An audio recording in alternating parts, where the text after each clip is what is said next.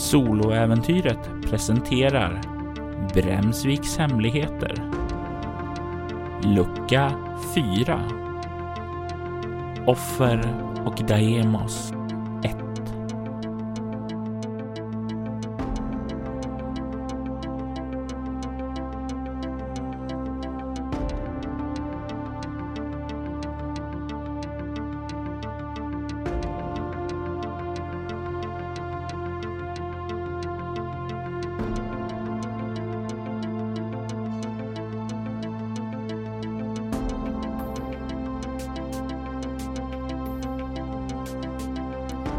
Never look back. Unless you're planning to go that way. Henry David Thoreau. San Sebastian 2006 Om kvällarna vid den här tiden hade de flesta affärer stängt och om människorna kommit hem ifrån sina arbeten. Dylan Clark var inte en av dem. Dagtid brukade han sitta hemma och skriva på de återkommande krönikorna som San Sebastian Times betalade honom för. Men det var först under kvällstid som hans riktiga arbete började. Han var ägare och föreståndare till Clarks Antiquities, en liten undanskymd butik i Port Camerons trånga och brokiga kvarter. Det var inte många som kände till den något som Dylan gillade. Han strävade inte efter att få nya kunder, snarare tvärtom. Det han hade var honom trogna och dessutom skälet till att han skulle kunna leva som en prins. Inte för att han någonsin gjort det. Hans behov var anspråkslösa och han föredrog anonymiteten i sitt nuvarande liv mot den uppmärksamhet han skulle få om han levde efter sina tillgångar. Dylan handlade med föremål av mer ovanlig natur. Sådana som enbart fanns i ett fåtal exemplar eller som till och med i vissa fall var helt unika. Till exempel hade han för en månad sedan kommit över en av de sällsynta Decantara-klockorna som tillverkades för det spanska hovet på 1600-talet. Det fanns endast 14 stycken i hela världen. Han hade fått betala dyrt för klockan. Men hans namn var vida berömt och samlare från hela världen kom för att handla av honom. Han var känd för att endast handla med genuina samlarföremål. Det fanns mängder med förfalskningar på marknaden och han tog heller inte ut överpriser för sina varor. Det hade skapat honom ett gott rykte världen över. Uh, Mr Clark, uh, ursäkta om jag stör? Hedders röst väckte honom ur tankarna medan han försiktigt dammade hyllorna i det bakre rummet. Heather Past var hans enda anställd. Hon hade arbetat i butiken några år och han betraktade henne numera nästan mer som en adoptivdotter än som en anställd. Vad är det?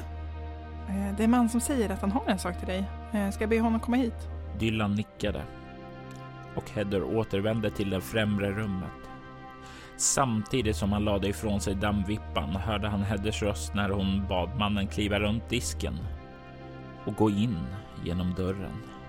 Mannen följde hennes instruktioner och dök genast upp i dörren.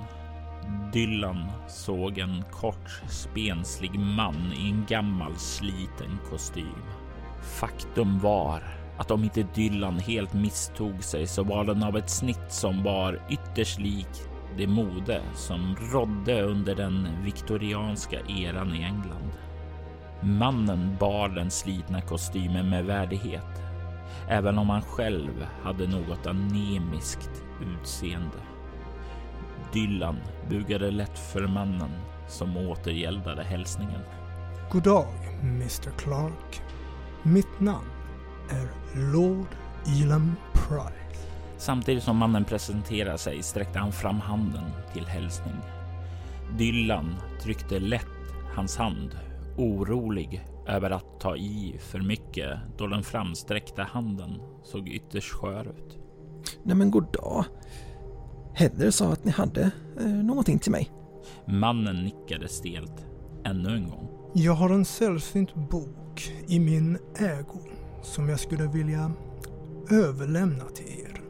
Åh, vad, vad är det för en bok? Jag antar att ni är bekant med Abraham Daniels sista verk. Dylans ögon lyste upp. Han var mycket väl bekant med både namnet och boken. Faktum var att han själv letat efter denna bok under lång tid. Inte för att sälja den vidare. Det handlade om ett personligt intresse. Han behövde ha tillgång till en speciell passage ur boken för sina egna syften. Ja, absolut. Eh, hur mycket vill ni ha för den, för den boken? Ett eh, löfte. Och en försäkran. Dylan höjde på ögonbrynen. I sitt arbete träffade han många egendomliga individer. Men aldrig hade han hört talas om en liknande ersättning. I alla fall inte för något så värdefullt som den här boken. Ja, kan ni vara snälla och, och utveckla vad du, vad du menar i närmare detalj? Givetvis. Ni har en antik svärdsklinga i er ägo. Jag behöver ett löfte om att den ska säljas till en viss person och ingen annan. Det kan jag tänka mig att göra. Absolut, absolut. Vem, vem är personen i fråga? Ni vet vem det är då ni ser henne. Sök efter de brinnande eldarna i hennes ögon och ni har funnit er köpare. Eh, Okej. Antar jag. Vad, vad är det för försäkran ni önskar? Mannen böjde sig fram och viskade orden i Dylans öra. Han lutade sig sedan tillbaka i väntan på svar. Den sökande blicken i lordens ögon fick en nick till svar, vilket gjorde hans läppar sprack upp i ett leende. Lorden förde handen innanför sammensrocken och drog sakta fram boken. Andra hade kanske reagerat över det faktum att den omfångsrika volymen alls hade fått plats innanför mannens rock utan att märkas. Men Dylan var van vid de många märkliga fenomen som han kom i kontakt med i sin butik. Han hade sett både det ena och det andra genom åren. Dylan tog emot boken, höll den försiktigt med båda händerna och betraktade den vördnadsfullt. Glöm inte ert löfte. Mannen vände sig om och lämnade Dylan ensam med boken. Det här var antingen den absolut bästa affär han hade gjort eller så var det den absolut värsta. Tiden fick utvisa vilket det var.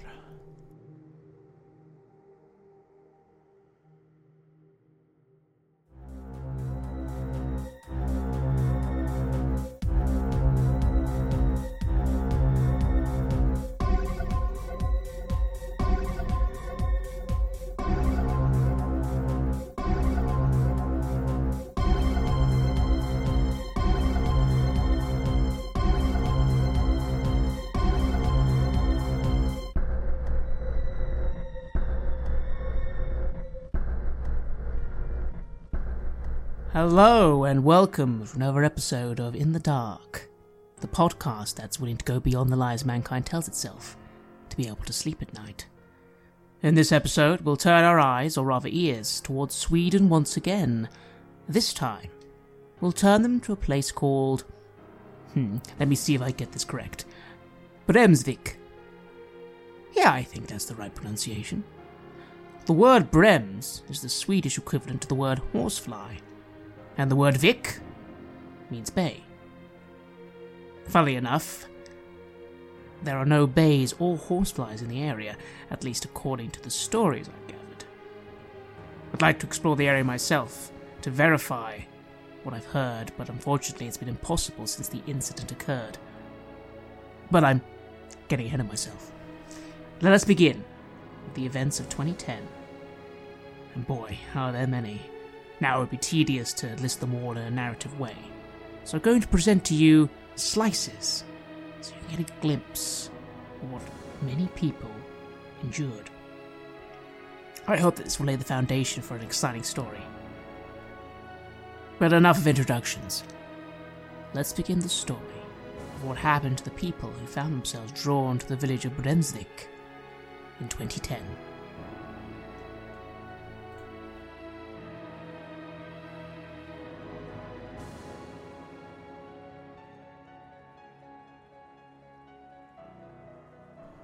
Harkers Edge. Mars 2010. Det är tidig förmiddag på det lilla bed and breakfastet där familjen Barton, eller resterna av familjen Barton, håller till. Florence och Rain, eller Mirella och Angela Moretti som de kallar sig själv nu, senare de bestämde sig för att fly från Castle. Eller åtminstone sedan Florence bestämde sig för att fly från Castle. Utanför står den unga Angela och sopar trappan rent. Efter gårdagens natt, ja, storm vore att dra för stora växlar på det, men det blåste rätt ordentligt i alla fall. Gamla kvistar och andra rester av vintern har blåst in över tomten och Angela håller nu på att sopa bort spåren av vintern under förmiddagen. Våren har anlänt och Angela har gjort den tydligare, mer framträdande. Angela, du står och sopar just nu då det svänger upp en gammal rostig bil på uppfarten. Den ser inte alltför fin ut. Den verkar ha varit med om en mycket på sistone. Ur den så kliver det en blond kvinna i alldagliga kläder. Hon bär ett par jeans, en rosa tröja och verkar ha en enkel jacka över det. Hon stannar till, kikar runt och hennes blick verkar stanna när hon ser dig. Jobbar du här? Jag sneglar mot personen i fråga.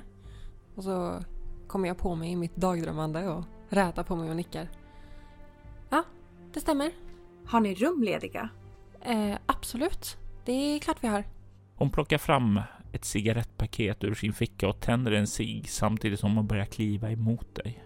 Du ser att hon ganska nonchalant vandrar upp till dig. Hon tar några steg upp för trappan mot dig och säger Tack flicka. och du känner den här cigarettröken borra sig in i varje vrå av din näsborre. Du känner hur röken blir så stark att du börjar hosta. Jag vill att du slår ett lätt slag med kropp obemärkt. Sex. Du känner hur röken blir så stark att du nästan blir lamslagen av den. För en kort stund så kan du bara hosta. Och det släpper då hon vandrar förbi in i huset. Du kan se hur hon stannar till där inne och att hon tar sin cigarett och fimpar den Inomhus. på väggen på de fina tapeterna. På min tapet. Vad tänker den unga Angela om det? Nej, det är någonting som antingen jag eller min kära mor kommer behöva reparera sen. Avskyr såna här gäster. Står bilen kvar som hon klev ur? Ja, Jag blänger på den. Sen så håller jag tillbaka eventuella destruktiva impulser ja. och eh, smiter efter in. För jag vill kolla om det går att bara gnugga bort fläcken lite fort och demonstrativt framför henne. Jag vill att du slår ett omskakande skräckslag med utstrålning. Det är nio. Du trycker tillbaka impulserna och hostningarna. Du har varit med om ganska mycket sedan din mor tvingade dig att fly ifrån Castle och att du sedan dess levt ett ganska kringflackande liv med henne. Det har gjort att du upplevt både det ett och annat, så att det kommer en jobbig kund är inte så mycket i jämförelse. Men du sa destruktiva impulser. Om Angela skulle leva ut sina destruktiva impulser, vad skulle hon vilja göra då? Då hon stirrar bort emot bilen. Kanske lite diskret bara repa lacken på något ställe. Du lyckas stoppa tillbaka de där tankarna och kommer in och liksom demonstrativt börjar du göra det där. Du kan se hur kvinnan vänder sig om mot dig, kollar lite grann mot dig och ler. Och sen vänder hon sig om och går bort mot paret Fenwick som står bakom disken för att beställa ett rum. Medan du för handen över stället där kvinnan fimpade sin cigarett så inser du att det här går inte att åtgärda. Det kommer att lämna ett märke. Algeriet, mars 2010. Luften är varm och Jordi Chase står och sköljer sitt ansikte inne i badrummet. Var befinner sig Jordi just nu, Pernilla? Hon eh, befinner sig någonstans i Algeriet. Varför befinner hon sig i Algeriet? Det finns lite olika anledningar till det. Men eh, det viktigaste man kan säga är väl kanske att hon eh, är på flykt. Åren har inte varit snälla mot henne. Utan det har varit år av motgångar nu. Eh, ända sedan hon föll från grace i sin position inom Faith. Hon känner värmen. Den är betydligt varmare än hon egentligen är van vid. Hon har ju mestadels rest i USA och eh, Europa. Varit på lite andra ställen, men inte lika ofta och kanske i en mer kyligare klimat än varma då. Så det är ju en viss akklimatiseringsperiod nu när det har kommit, ja, i, i, tidigare idag hit från Frankrike med båt. Du sköljer av eh, ansikte ansiktet där, torkar dig rent. Då det bussar till i din burner phone. Och det i sig är ganska märkligt eftersom ingen har det här numret. Det här är för att du ska kunna använda telefonen om det behövs ringas ett samtal. Ha. Du ser hur den lyses upp och sen så slocknar den igen. Dyker det upp någonting, alltså något nummer eller någonting? Du tar och trycker på skärmen och så ska jag få upp och du kan se att det står där häxan måste stoppas. Och det står ett okänt nummer. Mm. Det är inte från någon mottagare du känner igen. Jag tittar på skärmen en stund och sen ähm, äh, lägger jag ifrån mig telefonen. Um, eller vet jag om det är det riktat mot mig? Eller Ja, det är ju skickat till ditt nummer. Det verkar inte vara ett massutskick. Men är det ett rop på hjälp eller är det mer... Uh... Häxan måste stoppas, punkt. Är det jag som är häxan? Du har ingen aning.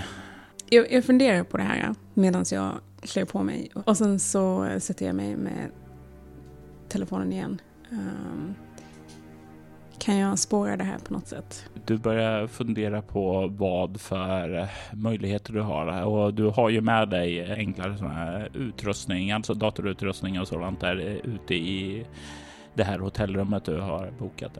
Eh, och du skulle väl kunna sätta dig ner och börja kolla upp numret och så kanske göra några enklare spårning. Men jag gör det. Du tar telefonen och kliver ut i sovrummet där. Mm. Och jag vill att du slår ett eh, omskakande skräckslag med eh, ego. För du stirrar ut i någonting annat. Något som inte borde vara. I rummet? Ja. Uh, sju. Du får ingen skräcknivå, men du känner en kall kår då du stirrar in i ditt vandaliserade hotellrum. Det är som någon har varit här inne och vält sängen, slagit sönder möbler och du kan se hur det på väggen är skrivet med blod som rinner ner där. Ritveria. Jag, eh, jag går fram till väggen. Jag vill att du slår ett eh, lätt slag med Egos samhällsvetenskap. Eh, elva. Du känner igen namnet Ritveria. Du vet att det härjar en eh, seriemördare. En eh, kvinnlig sådan, vilket i sig inte är särskilt vanligt då de flesta seriemördare faktiskt är män. Som har inriktat sig på unga kvinnor. Och hon kallar sig för Ritveria. Eh, det är som det är givetvis många sådana här polisinsatser som har riktats mot henne. Men hon har bara fångats en gång och det var på Irland eh, där hon eh, dömdes. Dömdes till fängelse där. Hon kom till fängelset också. Men redan under natten som hon kommer dit så försvann hon spårlöst därifrån. Och det gjorde även en annan fånge. Eh, du kommer inte riktigt ihåg vad eh, hon hette, men det här var ju under din tid på Fate som du läste någon rapport om det. Men det var någonting. Det var något irländsk namn de fången hette. Du känner ju definitivt här att det där skulle definitivt kunna vara häxan som omnämndes i ditt mess. Kan jag avgöra hur länge sedan eller hur, hur, länge tror jag att den här texten har stått på väggen? Du kan slå ett ego naturvetenskap. Men du får använda din specialisering detaljer. Eller så kan du använda ego obemärkt också. Då är det ett svårt slag. Jag kör ego obemärkt. 16. Du står där, begrundar detaljerna omkring dig och inser att det här måste ha gjorts. Alltså precis innan du klev ut. Du kan se fortfarande saker som liksom eh, dinglar lite fram och tillbaka som om det har eh, just innan du gått ut. Är fönstret öppet? Fönstret är stängt.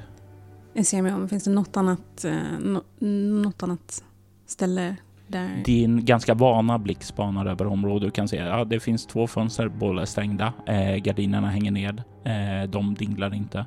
Eh, dörren är också igenstängd eh, och sedan det enda det enda andra som syns är en sån här ventilationstrumma, men det är alldeles för lite för en människa skulle kunna röra sig in där. Har jag något vapen tillgängligt? Du har med dig en gammal pistol. Jag tar upp den och håller den ner liksom. Och är redo och sen så lyssnar jag. Du kan höra ljudet utifrån i eh, den algeriska natten. Uppe, ja, de här folkmassorna som rör sig ute på gatorna. Det är liksom sorlet hörs in här i hotellrummet. Hur, hur många rum består mitt hotellrum av? Eh, det är eh, en eh, enklare vardags, ja, vardags sovrum som du befinner dig i nu och sen är det bakre delen där det är typ en toalett, dusch, utrymme. Och det var där inne jag satt, ja. eller var. Mm. Jag går bort till ytterdörren då. Mm. Ser jag någonting som visar på att någon har liksom antingen brutit sig in eller på annat sätt med dina erfarna blick så kan du ganska snabbt bekräfta att nej, det verkar inte vara någon som ingrepp. Så I alla fall ingen, det brukar ju synas att det, när det är åverkan på låset, men det verkar inte det nu. Då ser jag två alternativ. Antingen mm. är det någon kvar här inne eller så var det inte eh, en fullvuxen människa som eh, gjorde det här. Ser jag någonstans där det går att gömma sig? Under sängen. Goddammit. Jag kollar under sängen. Och du böjer dig ned under sängen. Tar sakta och för upp över kastet för att blicka in där. Och du ser in under ett mörkt, dammigt utrymme. Det verkar som städerskan har slarvat här. Men det är inget som gömmer sig där. Dammet ser orört ut. Ja. Jag vänder blicken mot eh, den här lilla ventilationstrumman. Du vänder blicken däremot. Är på väg att eh, resa dig upp. Då du känner någonting som, eh, ja, någonting som krälar över din hand på golvet. Tittar. Och du ser en kackerlacka som springer över den. Jag ignorerar, ignorerar den. Uh, och jag går bort till ventilationsöppningen. Du kommer fram, spanar in där. Du kan se att den äh, verkar äh, sitta fastskruvad ordentligt. Så. så om det är något som ska ha tagit sig in där så är det genom de här tunna, tunna springorna. Kommer jag på någon, någon möjlig förklaring till detta? Utifrån den erfarenhet som jag har. Du kan slå ett egokultism. 11. Du börjar rota igenom dina sinnen för att se om det är någonting som liksom passar in det här. Du har ju hört talas om fenomen som poltergeist som kan ställa till så här. Ofta brukar ju poltergeist finnas på platser där många, många har dött.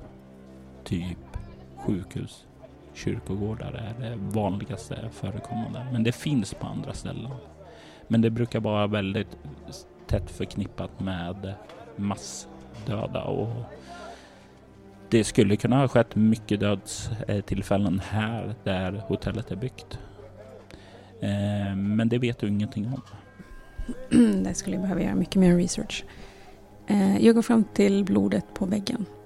Kommer fram. Kan se att det börjar koagulera och torka. Jag luktar. Det luktar sött. Järnaktigt. Eh, Är det människoblod?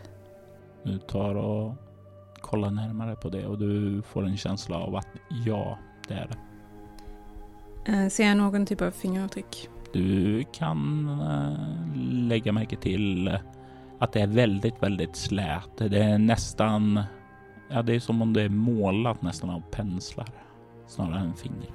Ser jag blod någon annanstans i rummet? Bara det som det har droppat ned från just där. Men ingen annan plats än just under. Du hör knackning på dörren. Jag går bort till dörren och öppnar på eh, bara lite glänt. Och när du öppnar dörren så kan du se hur ett starkt ljussken strömmar in ifrån dörrspringan. Och det är så starkt att det nästan svider i dina ögon. Och du känner hur det nästan brinner i huden som om du för en stund badar i syra. Och sedan så slocknar ljuset. Och du befinner dig någon annanstans. Harkers Edge Mars 2010 Florence Barton, eller Mirella Moretti som hon numera kallar sig, gör sig i ordning för natten. Det har varit en hård arbetsdag, mer än vanligt. Det har varit mycket att göra idag. Var jobbar du någonstans, Florence? Eller är det Mirella vi kallar dig just nu? Det är Mirella man kallar mig just nu. Mm. Ja, jag, jag har ju egentligen två jobb just nu. Jag arbetar ju dels som städerska på dagtid. Men jag jobbar ju som musiker på, på kvällstid då på ett bed and breakfast.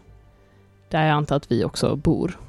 Jajamensan, ni, har, ni bor i en sån här liten gäststuga utanför. Så du och din dotter Rain, eller Angela som hon nu kallas för, eh, har er egen lilla privacy där. Tänk dig det är väldigt Gilmore Girls-aktigt. eh. Mm, I like it.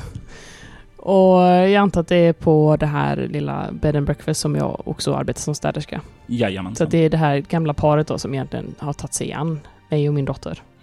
Och vi har ändå byggt en tillvaro här som är ganska så gemytlig. Och det verkar som att Rain, eller ja, Angela som hon kallas nu för tiden då, trivs. Och det känns ju väldigt skönt för mig. Och det kan ju tilläggas att vi bor ju lite i, det är ju en liten småstad då. Eh, som vi har hamnat i som heter Harkers Edge i Massachusetts. Och det är skönt men någonstans är det också så här lite bitterljuvt för jag vet ju att vi kommer inte kunna stanna här allt för länge. Dagen kommer komma då, då Faith kommer oss på spåren igen och vi kommer behöva fly härifrån. Varför måste ni fly från Faith? För att de är ute efter min dotter. De tog min man och de gjorde Greg galen. Och nu så, nu så vill de ha Rain. Och det är någonting som jag inte tänker tillåta. Du kan se hur din dotter eh, sitter framför tvn och glor på något program just nu. Ganska avslappnat. Eh, rätt rofylld. Lite mm, förlorad i sina egna tankar. Hur gammal är din dotter just nu? Hon är ju den här härliga alltså, tonårstiden nu, så 14-15. Men vi har ändå lyckats behålla ganska så, det har inte varit så mycket tonårsrevolt än kanske, utan vi har en ganska så god relation mellan mor och dotter. Det är ju bara vi två nu för tiden. Och jag har ju behövt axla rollen både som mamma och som pappa. Och det är ju någonting när man lever på flykt så finns inte riktigt tiden för att få de här eh, vanliga tonårsrelationerna och erfarenheterna också. Hon har ju som sagt var blivit hemskolad och sådant av dig. Eh, hon går inte i skolan och hon har inte många jämnåriga bekanta utan hon brukar ju hjälpa till här på eh, själva bed and breakfastet också. Vilket då är väldigt skönt för mig att hon verkar ha tytt sig till det här äldre paret då. Att hon faktiskt har andra, för det är något som jag kan känna är en stor sorg i mitt liv. Att, att ända sedan eh, Greg svek oss så har inte Rain haft så mycket andra meningsfulla relationer i sitt liv förutom mig. Och som mamma så vill jag att hon ska kunna ha alla... Jag vill att hon ska kunna ha allt, få allt. Och det är ju en stor sorg för mig att jag inte kan ge henne den typen av liv som jag tycker att hon förtjänar. Även om jag kan hålla henne säker och skyddad från Faith så, så är det klart att det inte är nog. Mm. Du kan ju som sagt var eh, se hur hon sitter där och slö, eh, kollar på tvn. Vad är det du gör just nu? Jag sitter nog och går igenom eh, mitt set för ikväll som jag ska spela och revidera lite att ja, men den där låten kändes inte som att den riktigt gick hem igår. Jag ska nog, jag ska nog stryka den. Ta den lite lugnare och sitter och kollar bland mina notpapper och mina låtböcker. Du kan höra Angelas röst som säger Mamma! Aha. Kom! Vad, vad är det? Jag ställer mig upp och börjar gå bort. Och du ställer dig upp och får inget svar direkt från henne, men du ser tvn. Hur bilden där inte är alltså det program som hon tittade på förut. Istället så ser du en bild. Det verkar vara inifrån en kyrka. Det är inte professionellt filmat utan tänk dig så här någon med en eh, egen handcam, eh, lite amatörmässigt eh, filmar. Och du kan se en kvinna eh, som är fängslad vid en av de här stora stenpelarna som utgör kyrkan. Det är en sån här gammal rejäl kyrka alltså som eh, ser ut. Eh, ja, eh, du kan ju slå ett ego humaniora. Ett lätt slag. 10. Ditt italienska påbrå, för det är ju därifrån dina föräldrar kommer. Alltså det tänker mer så här europeiska kyrkor, riktigt rejäla stuk till skillnad från kanske de här mer nyare amerikanska kyrkorna då. Du kan se vid pelaren att det är en kvinna, kanske i 35-årsåldern, ser rätt så späd ut, verkar ja, medvetslös, kanske drogad, som är bunden vid den här och hur hennes långa mörka hår liksom är. Ja, det, det hänger liksom ned över ansiktet där hon verkar ligga där medvetslös. Rain, gå bort från tvn. Hon reser sig upp, backar undan. Du kan se hur vätska slängs över henne utanför kameran så du ser bara att det är någonting som skvätts över henne. Jag kastar mig fram och stänger av tvn och du trycker på kontrollen. Ingenting händer. Du kan se hur en ja, fackla börjar komma fram genom bilden. Titta bort Rain! Mamma, varför visas bilden fortfarande? Titta bort älskling, titta bort! Du kan slå ett uh, lätt slag med utstrålning interaktion för att få din dotter att kolla undan. 13. Nej, vad säger jag? 15. Du kan se att det tar en liten stund, men hon vänder bort du kan se dock att en man verkar gå framåt. Du kan inte riktigt se mannens ansiktsuttryck för du ser liksom bara ryggtavlan och bakifrån. Han verkar gå fram med en fackla mot kvinnan. Jag går runt bakom och försöker dra ur eh, strömsladden. Du ser fortfarande där bakifrån liksom ljuset skina från tvn. Det här är ju Faith har hittat... Alltså jag, tankarna börjar bara skena i mitt huvud. Faith har hittat oss, det här är deras sätt att skicka någon signal att så här, vi vet var ni är. Och de kommer komma hit och de kommer ta mitt barn. Slå ett skräckslag eh, för hela situationen. Ett chockartat sådant med ego. Så etta. Fem. Du får två skräcknivåer. Du känner pulsen öka. Vad händer mamma? Vad händer? Älskling, kan, kan du inte gå in i sovrummet ett tag? Okej, okej, okej. Och du kan höra hon börjar röra sig utåt. Ja, det är uppenbarligen ett meddelande så att jag springer nog bara in i sovrummet med henne och river fram vår, eh, alltså här, en bag under sängen och börjar kasta i kläder. Vi måste härifrån. Jag kan säkerligen tänka mig att till och med att det finns en bag redan färdig. Färdig, ja, precis. Eh, ja men precis, jag river nog fram den färdiga bagen då och sen så kanske kasta ner, man kanske har något litet foto som står uppe och börja göra oss ordning, plocka fram våra jackor. Harkers Edge är uppenbarligen inte säkert längre. Mm. Eh, vad säger du åt din dotter medan du gör det här? Hon kollar lite oroligt mot dig. Är det dags? Förlåt älskling, det, det är dags. Vi, vi måste ge oss av igen. Jag går fram till Rain och lägger eh, alltså, händerna runt hennes överarmar, att jag liksom håller henne runt axlarna så. Du, du, du förstår väl att vi, att vi inte kan stanna här? Du kan se hur hon tittar nedåt, så här ledsen och nickar bara åt det. Jag förstår, men jag gillar det inte. Jag stryker henne lite över kinden. Älskade vän. Jag, jag önskar att det inte var så här men det är inte säkert här längre. Okej, låt oss sticka då. Och du kan se hur hon går bort och tar fram sin väska. Och du ser hon ur det så drar fram ett eh, kuvert.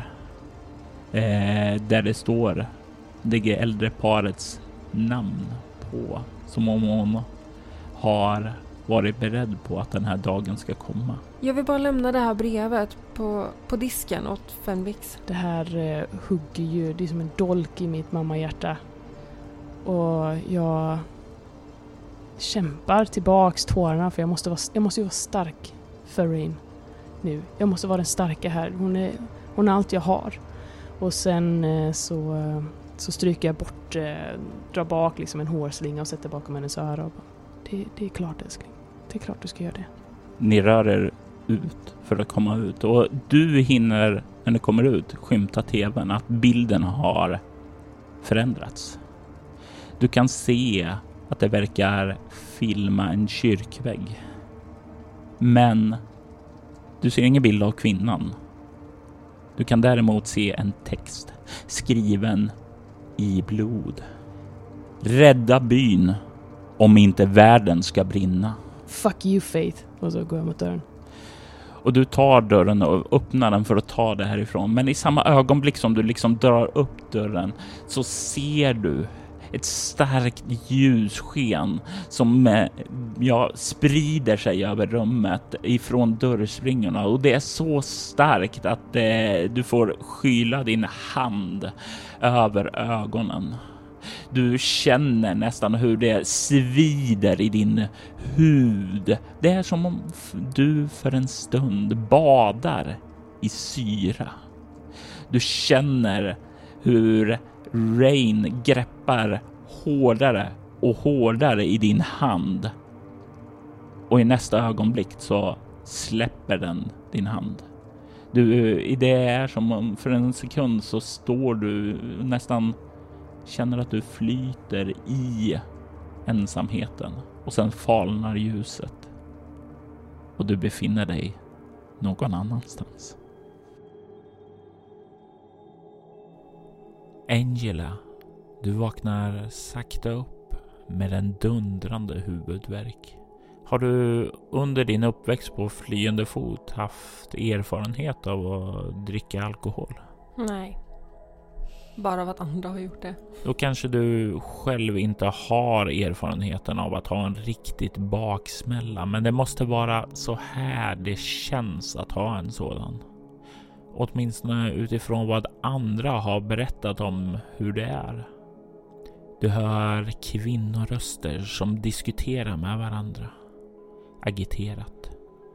Det här är röster som du inte känner igen sedan tidigare.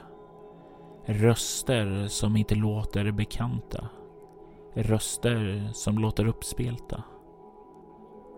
Den här dundrande huvudvärken och det här bidrar tillsammans till att skapa en väldigt obehaglig upplevelse.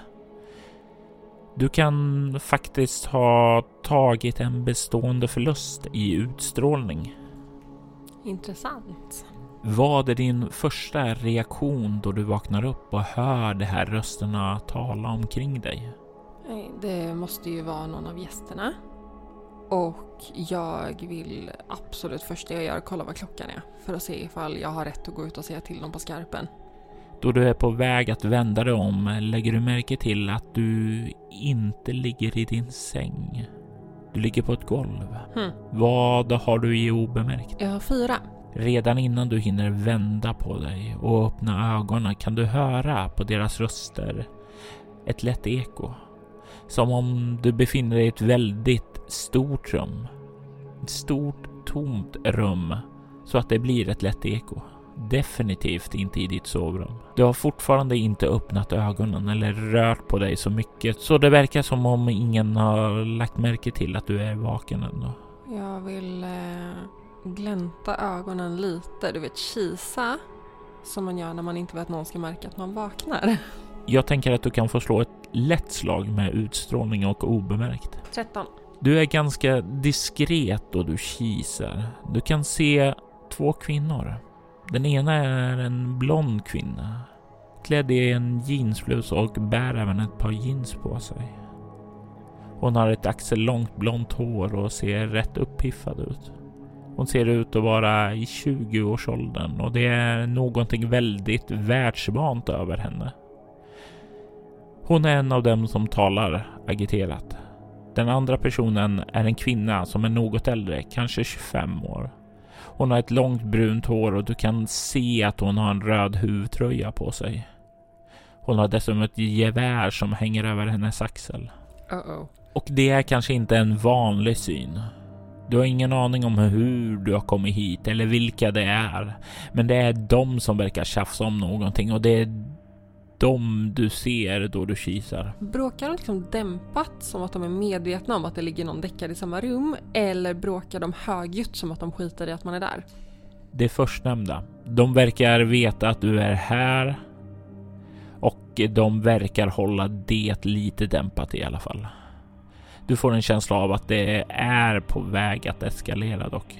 Eh, redan utan geväret så har jag lärt mig att man aldrig ska lita på någon som har jeans och jeans på sig. Så... eh, nej, men ehm, jag vill självklart dels eh, kisa en liten, liten stund för att memorisera hur de ser ut. Och sen vill jag också eh, försöka tjuvlyssna så mycket som möjligt. Men jag vill verkligen liksom bara kisa så jag så här, ah, jag kommer ihåg dem och sen blunda så att de inte bara hon tittar. Du kan höra att båda kvinnorna, både brunetten och den blonda, verkar tala med en vag brytning. Brunetten mer än den blonda. Du snappar även upp den blonda verkar heta Caroline och brunetten Jussi. Yes. De verkar diskutera vad de ska göra med er. Alltså dig och någon annan, även om du inte kan se någon annan från din position just nu. Jag vågar nog inte göra någonting mer utan jag ligger kvar. Eh, som jag gör, låtsas sova. Eh, på helspänn. Eh, försöker någon grabba tag i mig vill jag försöka streta emot. Det här tjafset verkar pågå en stund. Caroline säger Josie, lugna dig en stund. Vi vet inte om någon av kvinnorna arbetar med Darcy. Kan vi inte bara ta och lugna ner oss? Låta dem vakna och prata med dem innan vi gör något förhastat? Nej! Om de är här så utgör de ett hot. De är säkert här tillsammans med Darcy. Och då måste vi se till att stoppa dem innan de gör någonting dumt. Kan jag använda min förmåga? Du kan använda din Kratos som ger dig en synsk förmåga. Det innebär att du spenderar en bestående förlust. Då valde jag att ta det på kropp. Sedan slår du två tärningar plus ett för att se hur väl du lyckas aktivera den. Det är nio. Det innebär att du får en bieffekt som jag väljer och sedan får du välja en effekt. Vilken effekt väljer du? Ana framtiden och få plus två på ett slag eller i ett konfliktvärde under resten av scenen alternativt ge motståndaren minus två. Mm. Eh, jag väljer plus två på mig eftersom att det är två personer. Mm. Och den här effekten kan du ta när som helst under den här scenen.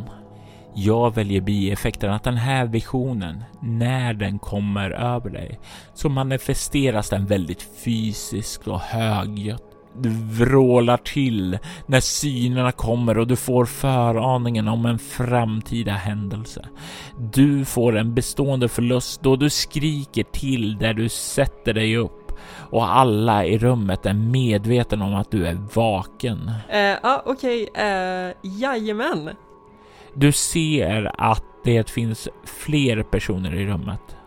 Du ser en mörkbrunhårig kvinna i en ganska fin klänning som eh, det är någonting väldigt europeiskt över.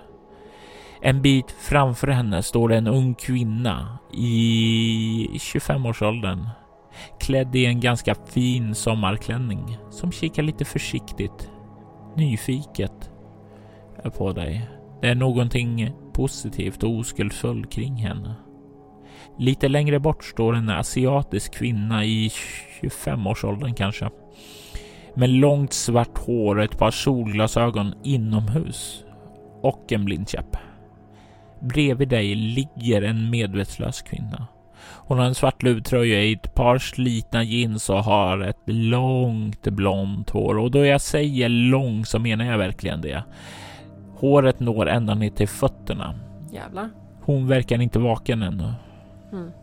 Du ser att alla, inklusive den blinda, har vridit sitt huvud och stirrar emot dig. Och alla de är liksom stående. Man kan anta att samtliga är i någon sorts maktposition här. Vad trevligt.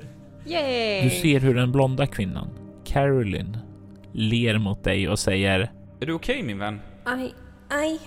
Jag kurar ihop mig och tar mig för huvudet. Och öronen. Caroline sätter sig på huk framför dig. Väldigt lugnt och försiktigt. Lugn, det är ingen fara. Vi hittade dig och din vän här. Är ni också hitskickade av Evan? Eller är det Darcy som bad er komma hit? Hittade? Vadå, vadå hittade? Vi blev hitskickade av Evan. Han skulle möta oss här, men vi fann er istället. Är ni med Evan eller Darcy? Jag är inte med någon av er. Jag vill tillbaka till min mamma. Okej, vi kan försöka hitta din mamma. Vet du var hon är någonstans? Det tänker inte jag säga till er. Lämna tillbaka mig där ni hittar mig. Vi hittade dig här, för några minuter sedan. Ingen av oss har kidnappat dig. Jag ryggar tillbaka lite och försöker se om jag ser en utgång. Du rör dig försiktigt bakåt och känner ganska fort hur din rygg verkar nå en vägg. Det är åtminstone vad du först tänker det är. När du kikar dig runt ser du att du befinner dig i en ganska stor sal. Det du har ryggen emot verkar vara en upphöjd scen. Hur ser övriga rummet ut? Du kan inte riktigt sätta fingret på vad det är för typ av lokal, men det är en väldigt rustik känsla över det. Det liknar dock ingenting som du besökt tidigare i ditt liv. Men för dig, Liv, så tänk dig en gammal hederlig svensk bygdegårdslokal som du befinner dig i. ah, ah. Du har ryggen åt scenen, kan se fönster åt vänster sida om dig och ungefär 10 meter bort på högra väggen finns, finns en utgång. Den kinesiska kvinnan med blindkäppen står precis vid dörren där. Längst bort i lokalen på andra sidan finns en dörr vidare inåt och där står kvinnan med det europeiska utseendet. Yes. V var är vi någonstans? Vi befinner oss i en liten svensk by som heter Bremsvik. Namnet ringer inga klockor. Du har inget minne av hur du kom hit? Nej, nej, jag tittade på TV hemma.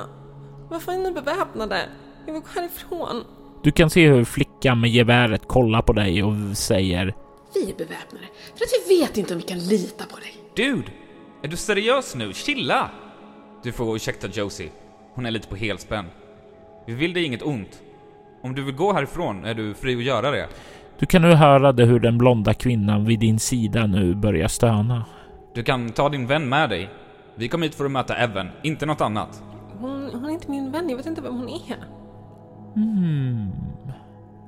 Du kan höra den europeiska kvinnan. Intressant att ni då vaknade upp på samma ställe båda två. Ni kan se att hon tar några steg inåt. Du kan också se att hon verkar ha något gyllene smycke runt halsen då hon rör sig närmare. Du ser dock bara halskedjan då hon verkar ha smycket under klänningen. Var, var, var är jag? Hör du från den blonda kvinnan.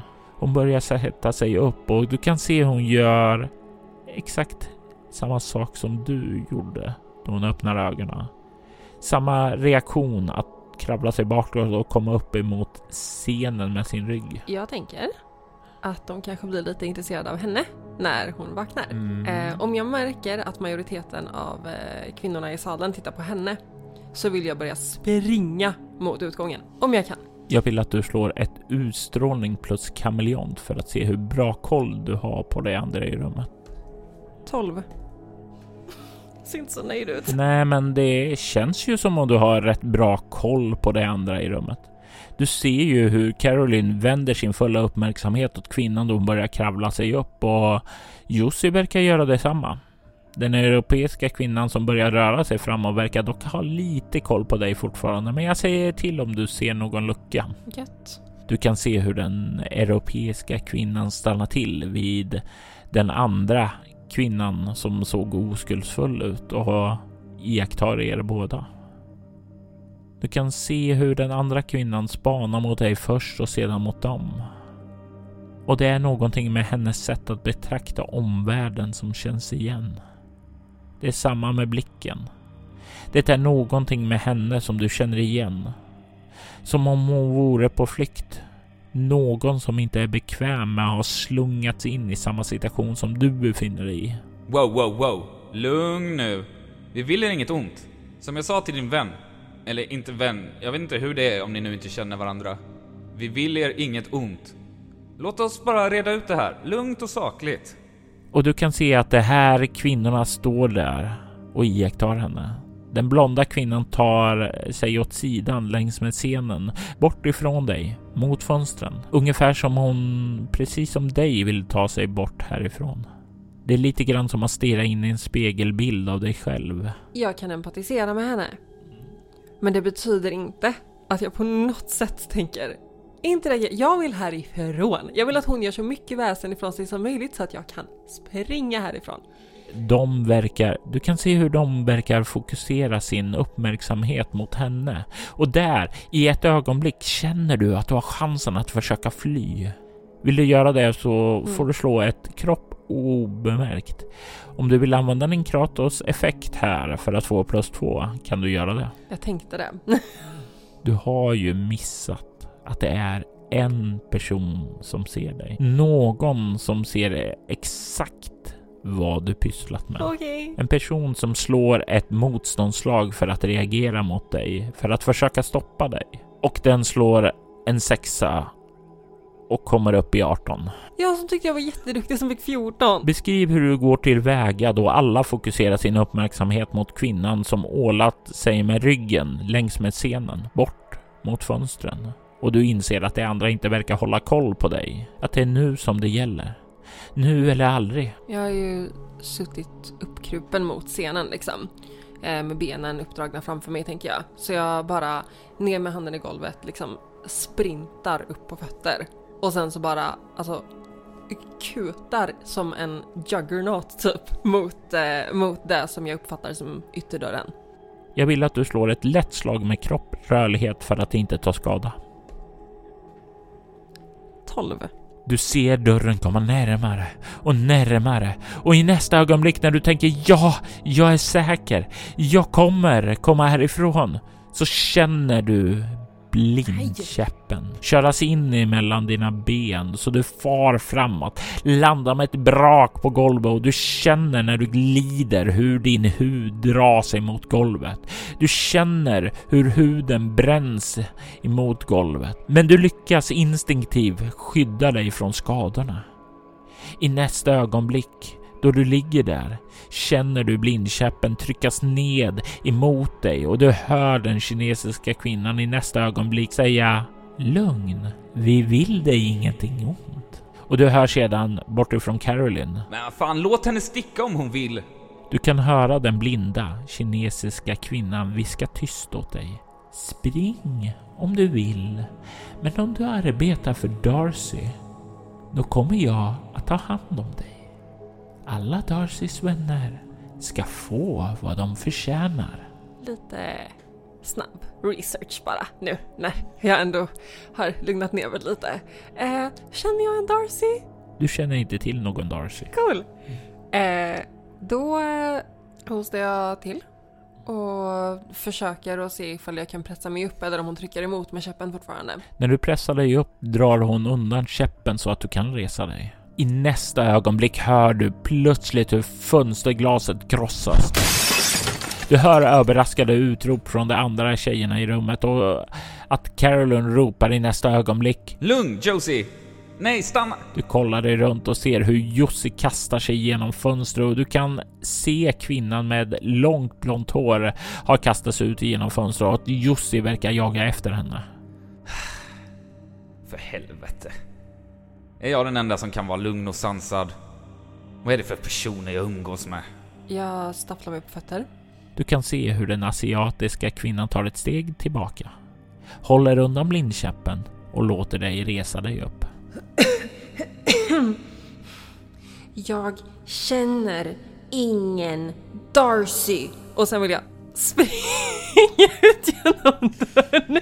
Och eh, faktiskt så här, i den mån jag kan försöka orientera mig, kuta lite åt det håll som jag gissar att man springer om man springer ut genom fönstret. Du rusar utåt. Du kommer ut ifrån bygdegården, bort ifrån kvinnorna, bort ifrån den otrygga situationen. Men då du kommer ut ur bygdegården ser du en främmande plats. Du kommer ut på ett kullerstenstorg med röda hus och vita knutar. Du verkar befinna dig mitt ute i ingenstans. Hur kom du hit? Var är din mor? Var är du? Tankarna rusar igenom dig samtidigt som du gör vad din mor lärt dig. Fly ifrån faran istället för att möta den.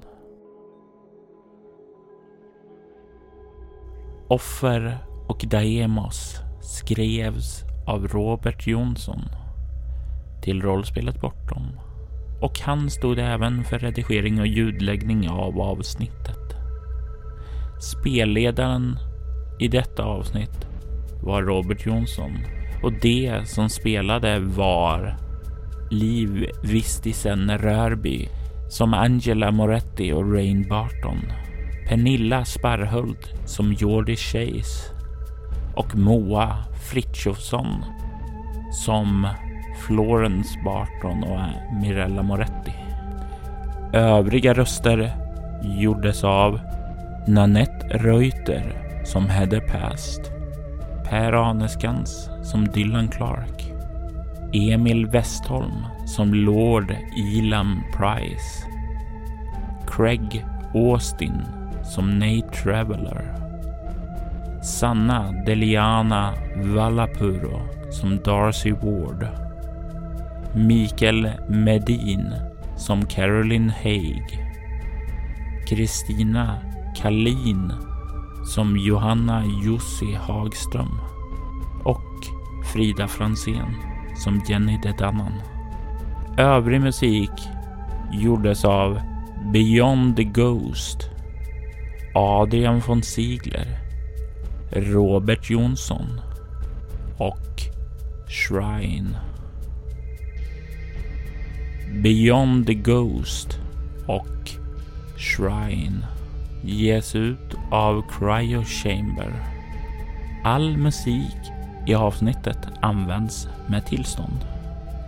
Mer information om rollspelet Bortom hittar du på bortom.nu och mylingspel.se.